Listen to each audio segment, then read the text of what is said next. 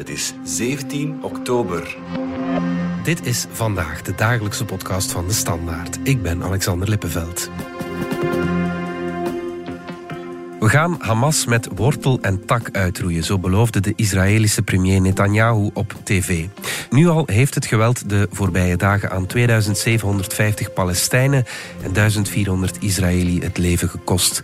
Dodentol dreigt de komende dagen alleen maar sterk te stijgen, net als de radicalisering aan beide zijden.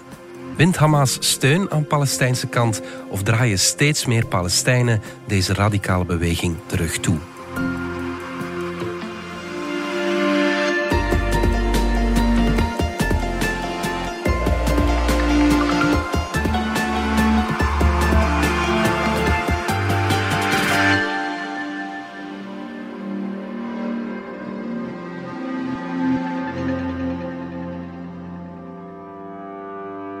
Dit is Zakaria Shebab.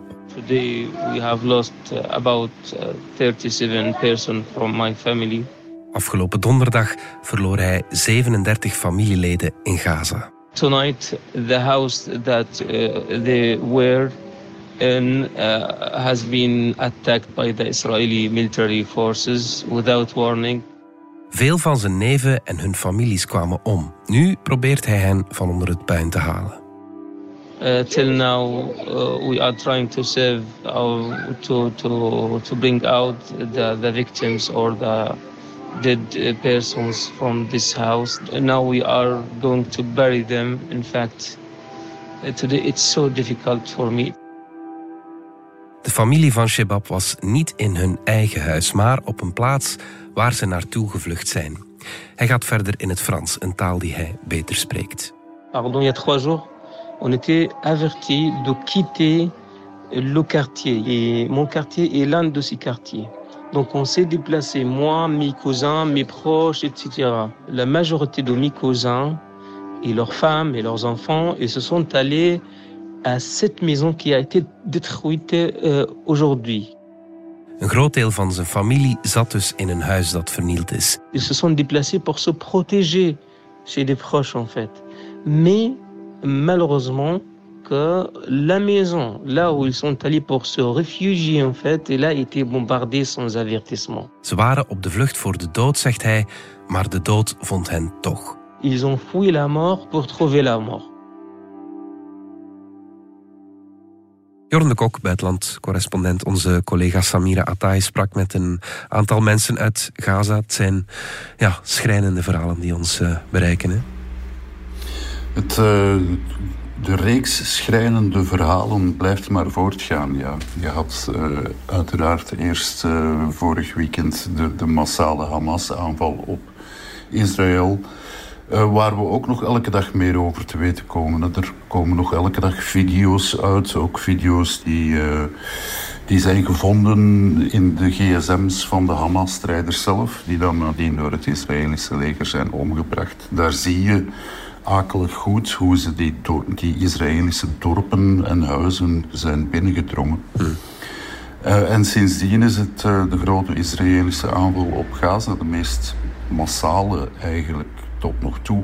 Daar zijn nu al 2750 doden gevallen. Mm -hmm. uh, om dat kaderen, dat is in één week meer dan bij de grote vorige Gaza-oorlog in 2014. Er zijn gevallen in zes weken. Ja. Hm. Waar toen ook een, een grondoffensief aan de pas kwam.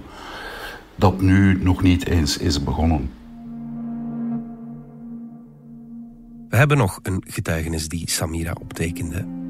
The streets are filled with destruction. You can really smell the gunpowder. Je hoort Omar Griep, een medewerker van Oxfam in Gaza. And you can also smell burnt buildings and unfortunately burnt humans as well. It's the smell of death, I guess, filling the streets. De situatie in Gaza is schrijnend. De geur van de dood hangt er, zegt Griep. De straten waar hij woont herkent hij niet meer. Some neighborhoods are completely wiped out. Uh, some others are fully or partially damaged to a point where some areas I couldn't even recognize, even though I live here and I know places. So, yeah, the streets are telling a very, very sad, tragic story. It's very dangerous to stay on the streets. And, you know, the situation, the humanitarian situation is very, very dire right now. Gaza goes through a crisis on top of crisis. Dit is een crisis bovenop jaren van uitzichtloosheid, zegt hij. Het is als ontwikkelingsmedewerker ook erg moeilijk om zijn werk goed te doen. This really makes the humanitarian situation even more dire, affecting really people's ability to keep going on. And it's very hard on the ground to do any humanitarian operations to get them the necessities. So it's bad, and many people are sick and it's really catastrophic and uh, it's getting worse by the minute. And of course, uncertainty is very draining. Mensen weten niet waar ze heen moeten. Griep hoopt dat dit snel eindigt. People don't know where to go to.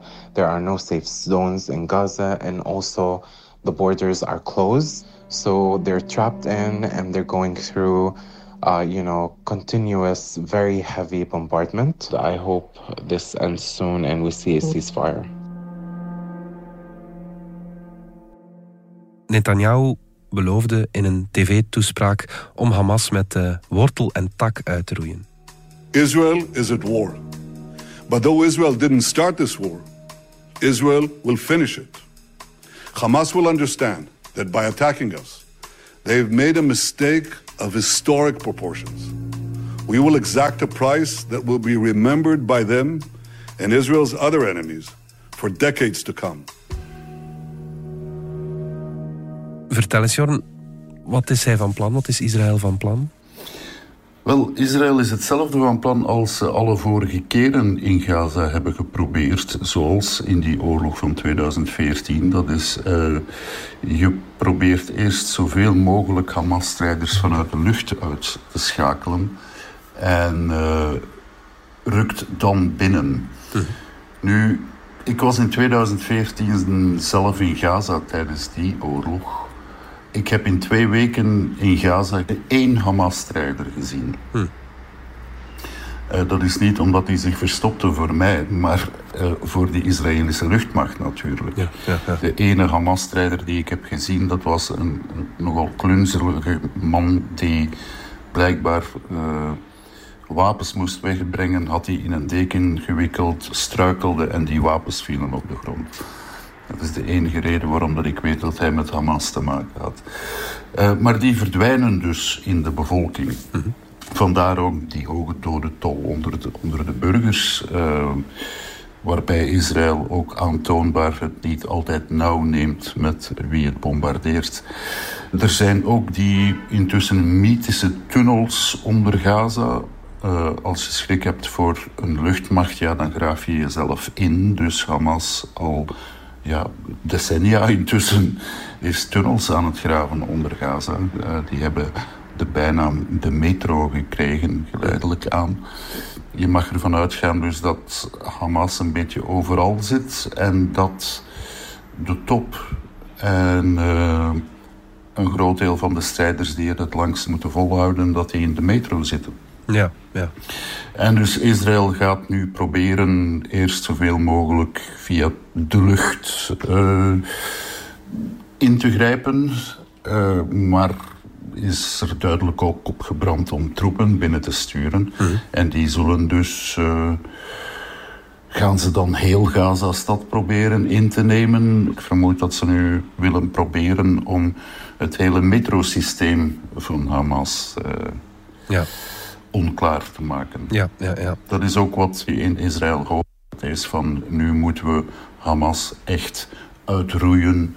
Dus heel Hamas moet weg. Ja, ja. Of dat dat realistisch is, dat is iets anders. Dat is inderdaad iets anders. Dus in dat grondoffensief, daar kadert die evacuatie van de Palestijnen ook in. Lukt dat? Kunnen die mensen Gaza-stad ontvluchten? Het is zeer moeilijk uh, je zit ten eerste met het benzinetekort in Gaza. Dus uh, in Gaza is er op dit moment uh, aan alles een gebrek. Dus je ziet mensen ook te voet of met paard en kar naar het zuiden trekken. sommige mensen, er is geen opvang voorzien voor die vluchtelingen in het zuiden. die moeten maar ergens terecht. Dus je hoort, je hoort mensen aan de telefoon zeggen: Kijk, ik heb, nergens om naartoe te gaan. Hier ben ik tenminste thuis. Dus ik ga gewoon blijven. En uh, beter dan vluchteling te worden, wat het eeuwige lot is van Palestijnen blijkbaar, hmm. is uh, laat me dan maar thuis sterven. Ook Zakaria Shebab, die we in het begin hoorden, is nog steeds in het noorden van Gaza. On est encore dans le nord, on ne s'est pas déplacé vers le sud, euh, même si l'armée israélienne nous a demandé de déplacer vers le sud. Want als ze naar het zuiden gaan, wat volgt er dan? Si on va vers le sud, ça veut dire qu'après le sud, c'est pour euh, nous forcer pour aller en Séné, en fait. C'est le désert de Séné en Égypte. C'est pour ça qu'on ne va pas y aller. Les gens sont conscients, en fait, de ce qui se passe. C'est pour ça qu'ils ne veulent pas se déplacer. Nochtans is zijn huis helemaal vernield. Als Shebab thuis was geweest, dan weet hij niet of hij nu nog zou leven. Toutes les fenêtres de la maison sont cassées, même les vitres des fenêtres sont euh, pénétrées les canapés. Si j'étais à la maison lors des bombardements, j'allais, je sais pas, ce qui allait m'arriver quoi. Of de huizen in zijn wijk leefbaar zijn, dat weet hij niet. Maar onbewoonbaar of niet, hij wil er blijven.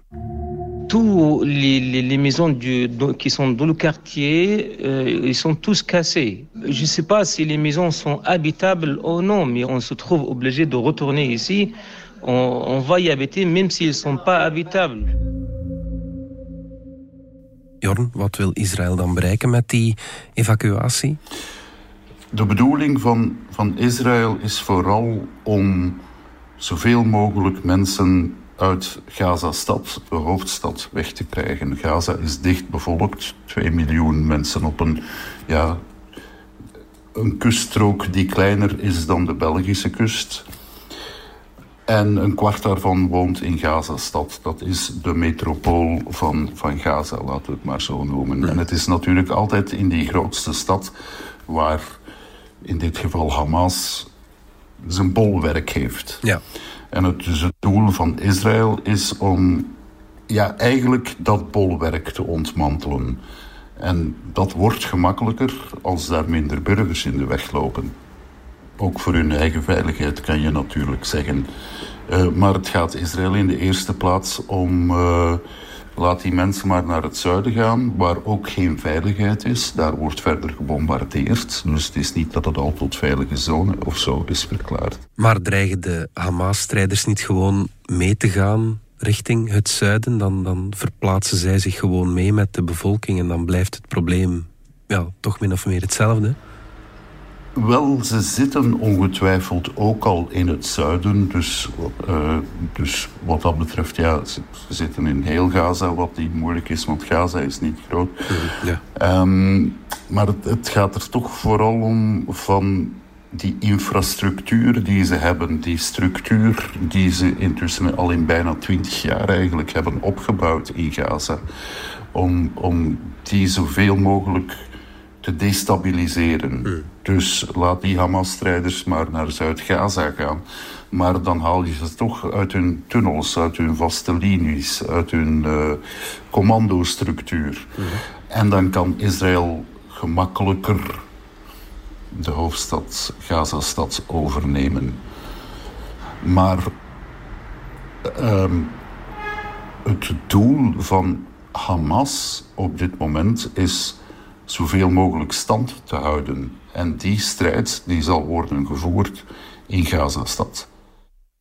We luisteren even naar het uh, verhaal van een Israëlische vader wiens kinderen en vrouw nu in handen van Hamas zijn. Want laat ons niet vergeten dat de onmiddellijke aanleiding voor deze ontwikkeling die niets ontziende terroristische aanval van uh, Hamas was een goede week geleden.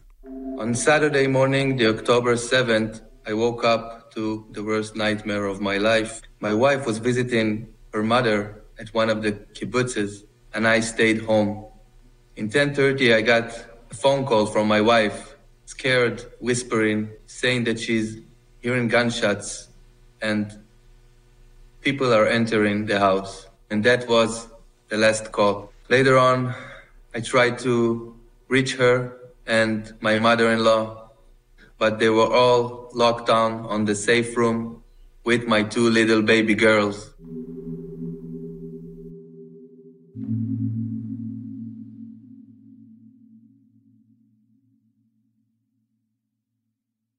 Jorn, er zijn nog steeds heel veel Israëli gegijzeld door eh, Hamas. Is dat de reden waarom dat grondoffensief, we spreken elkaar op maandagochtend, nog niet gestart is?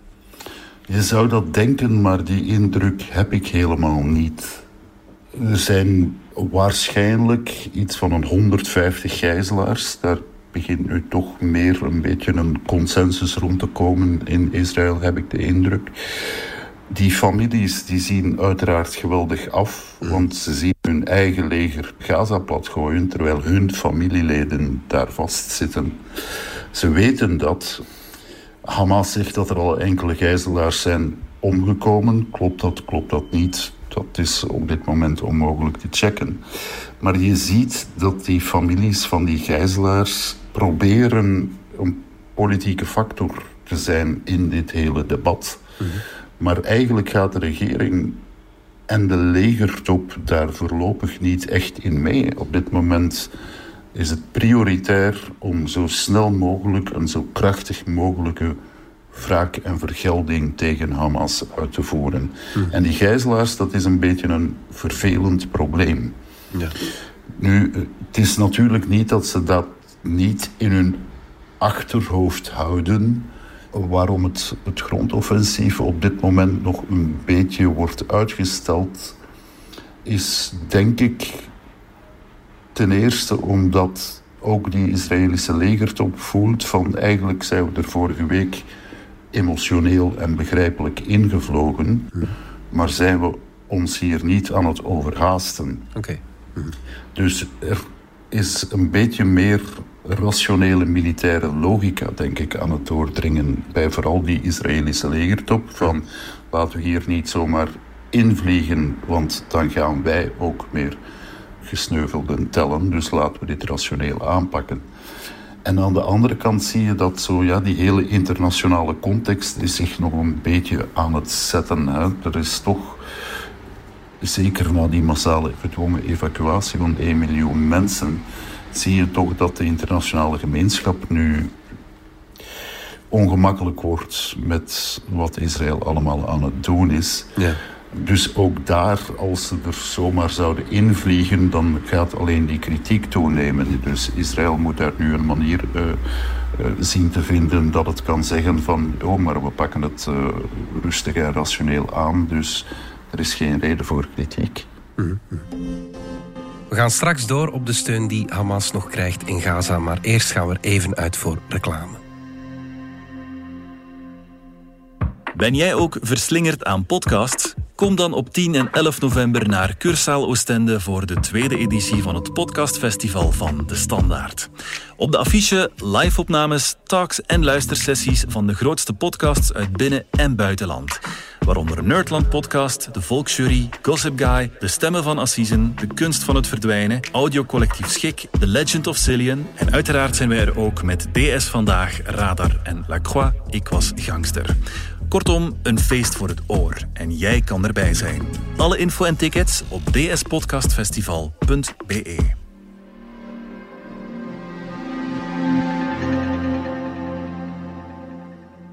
We luisteren even naar de Amerikaanse president Biden, die op CBS Israël alvast opriep om na het grondoffensief Gaza niet te bezetten.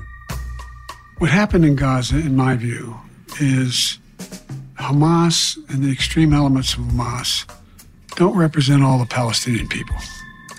And uh, I think that uh, it would be a mistake to uh, for Israel to occupy Gaza again. Jorn, president Biden zei het net, je mag uh, niet alle Palestijnen gelijk schakelen met Hamas. Hoeveel steun heeft Hamas uh, in Gaza vandaag?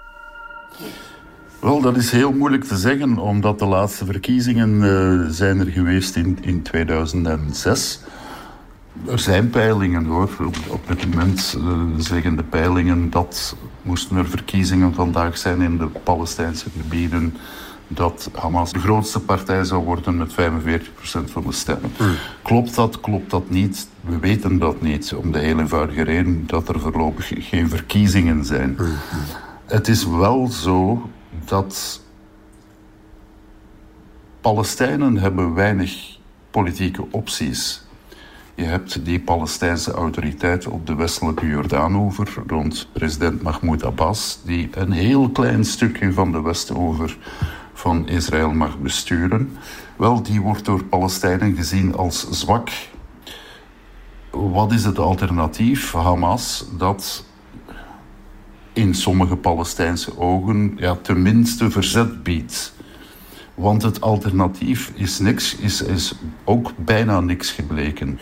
En dit jaar nog veel minder dan ooit, want in Israël zit je met die extreemrechtse regering, mhm. die sneller dan ooit al die Israëlische kolonies op de westelijke Jordaan over aan het uitbreiden is. En die Palestijnse autoriteit van president Abbas, die is daar absoluut machteloos tegenover. Dus wil dat zeggen dat dat een meerderheid van de Palestijnen een groot voorstander is van Hamas? Nee. Hmm. Als er een beter alternatief zou zijn, dat dan wel iets oplevert, resultaat oplevert en een beter leven, een waardiger leven bezorgt, dan uh, zou het gerust kunnen zijn dat ze daarvoor stemmen, moesten er binnenkort eens verkiezingen zijn.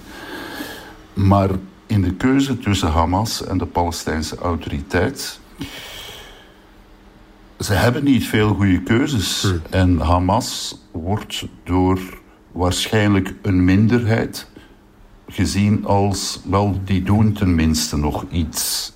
Maar er is nu wel oorlog. Verwijten ze dat Hamas dan? We moeten Palestijnen, net zoals Belgen, niet beschouwen als één blok. Ze denken niet allemaal hetzelfde. Na die aanval van vorige week uh, zag ik direct ook Palestijnen op sociale media en elders zeggen van ja, dit gebeurt niet in mijn naam. Ook omdat ze weten van er gaan nu duizenden burgers van Gaza omkomen. En elk kind in Gaza zit op zijn vijftiende al aan zijn derde of vierde oorlog dat is iets wat ook mensen verschrikkelijk bezighoudt. De helft van de inwoners van Gaza zijn kinderen en die kinderen die groeien maar op van de ene oorlog naar de volgende. De allereerste bekommernis van ouders is altijd van hoe houd ik mijn kinderen veilig en nu is het weer oorlog. Hmm. Dus veel Palestijnen, ook in Gaza, waren doodsbang voor de gevolgen van die Hamas-aanval van vorige week, want ze wisten wat er ging komen. Wat ik zelf in Gaza wel eens heb vastgesteld, dat is dat ook mensen die zeer en openlijk anti-Hamas zijn, naarmate zo'n oorlog langer duurt, beginnen ze meer sympathie in plaats van minder sympathie te hebben voor Hamas. En dat is omdat naarmate zo'n oorlog langer duurt, versterken de kampen zich. En dus zelfs Hamas-critici na enkele weken oorlog zullen zeggen van... wel, het is Israël dat ons kapot aan het bombarderen is, Hamas vecht tenminste terug. Mhm. En dat is natuurlijk het tragische van deze hele situatie en van ja, meer dan 100 jaar geschiedenis in Israël en Palestina. En dat is eh, overal zo in de wereld oorlog maakt mensen extremer. Mhm. Dus de weg naar gematigdheid loopt niet via oorlog. Dat werkt niet. Jorn, ik vroeg het je vorige week al, ik ga het nog eens vragen. Hè. Hebben we al een beter zicht op wat Hamas nu ertoe dreef om zo hard toe te slaan? Want ze wisten toch dat Israël dit niet ongestraft ging laten. Hè? Wel, helemaal in het hoofd kijken van een islamistische, extremistische beweging die duidelijk zeer extreem geweldbereid is, uh, kan je niet. Kijk, zij weten ook, ze doen die aanval, waren misschien een beetje verrast door het relatieve succes ervan, maar bon, ze hebben wel die aanval op poten gezet, massaal. Ze weten dan dat Israël extreem gaat reageren en dat uh, Gaza door een zeer, zeer moeilijke tijd zal gaan. Dus wat is uiteindelijk hun strategie? En dan hoor je van ja, als zij effectief zo rationeel denken, dan moet hun doel op de langere termijn uh, zich bevinden. Dat is, ze accepteren dat hun eigen leiderschap dat daar de meesten deze oorlog niet van gaan overleven. Dat heel veel van hun strijders zullen sterven en misschien zelfs dat ze Gaza-stad gaan verliezen, wat uiteindelijk ja, hun, hun, hun bolwerk, hun hoofdkwartier is. Dus ze weten dat ze een zeer zware prijs gaan betalen en de inwoners van Gaza nog veel meer. Die kunnen zich ook tegen Hamas keren. Dus moet het doelwit zich op de langere termijn bevinden. En de factoren die daarmee kunnen meespelen is van... Er was weer niks aan het bewegen voor de Palestijnen behalve in negatieve zin. Die nieuwe regering van Netanyahu die, uh, was bezig met de Westoever verder op te slorpen zeer aanwezig op de Tempelberg, waar de Al-Aqsa-moskee zich bevindt. En dat wordt altijd gezien als symbolisch zeer belangrijk. Van als Israël dat niet respecteert, mm. dat is een stap te ver. En misschien speelde ook mee dat Hamas de Israëlische samenleving als redelijk verzwakt beschouwde, omwille van die tien maanden van fundamentele oneenigheid in de Israëlische samenleving zoals die is duidelijk geworden in die massabetogingen tegen de regering Netanyahu. Nu, deze tragedie toont nog maar eens aan dat als er geen oplossing is voor zo'n diep geworteld probleem, mhm. dat negeren dat het ook geen optie is. Mhm. In de voorbije jaren zaten veel Palestina-onderzoekers eh, internationaal eigenlijk een beetje met de handen in het haar. Want er was gewoon geen aandacht voor. Ook onze aandacht is in 2011 verschoven naar de Arabische lente, naar Egypte, naar Syrië. Tussen Israël en de Palestijnen is de boel alleen maar verder blijven verzieken, maar er was gewoon niet echt internationale aandacht voor. Hmm. En steeds weer moeten we vaststellen van ja, maar dat probleem gaat daarmee dus niet weg. Nee. Dus negeren betekent zogenaamd geen oplossing. En een beetje in tegendeel wordt ook gespeculeerd van ja, vanuit Hamas gezien was dit een beetje van uh, we worden genegeerd. Uh, het is tijd dat we terugtonen dat we bestaan. Mm -hmm. Op een zeer extreme wijze. Over de wortels van het conflict, daar gaan we het binnenkort uh, nog eens over hebben. Maar ik wil toch één dingetje nog vragen, Jorn. In het voorjaar, toen we een podcast over Oekraïne maakten, dan zei je na de opname: we moeten eens iets doen over Israël, want de derde intifada komt eraan. De opstand van de Palestijnen tegen Israël. Is dit nu die derde intifada? Wel, dat is zeker niet wat ik toen voor ogen had. Wat toen wel duidelijk was, was dat die confrontatie tussen die extreemrechtse regering, die de kolonisten op de westelijke Jordaanover als machtsbasis heeft, om het maar zo te zeggen. Um, die extreemrechtse regering die ging voor ongelukken zorgen. Mm. Uh, toen werd vooral gedacht op de westelijke Jordaan over. Omdat daar die kolonies zich bevinden. En wij, wij hebben het ook gezien daarna. Ik bedoel, er, er zijn... Uh, er zijn meer doden op de Westoever gevallen dit jaar, onder de Palestijnen al 230, denk ik nu, mm. sinds de laatste intifada van de jaren, begin jaren 2000. Mm. Dus dat dat zou leiden tot een confrontatie, dat was onvermijdelijk eigenlijk. Ja. Was wel waarschijnlijk, ja. Deze gewelduitbarsting rond Gaza kon denk ik niemand echt voorspellen. Maar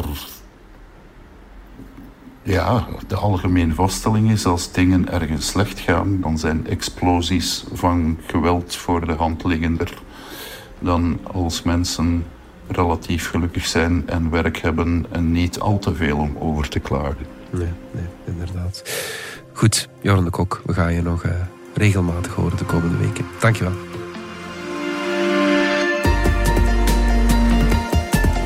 Dit was vandaag de dagelijkse podcast van De Standaard. Bedankt voor het luisteren. Volg ons op Spotify, Apple Podcast of eender welk ander podcastplatform. In onze gratis app DS Podcast kan je niet alleen ons werk beluisteren, maar ook de beste podcasttips terugvinden. Alle credits van de podcast die je net hoorde vind je op standaard.be-podcast. Reageren kan via podcast.standaard.be.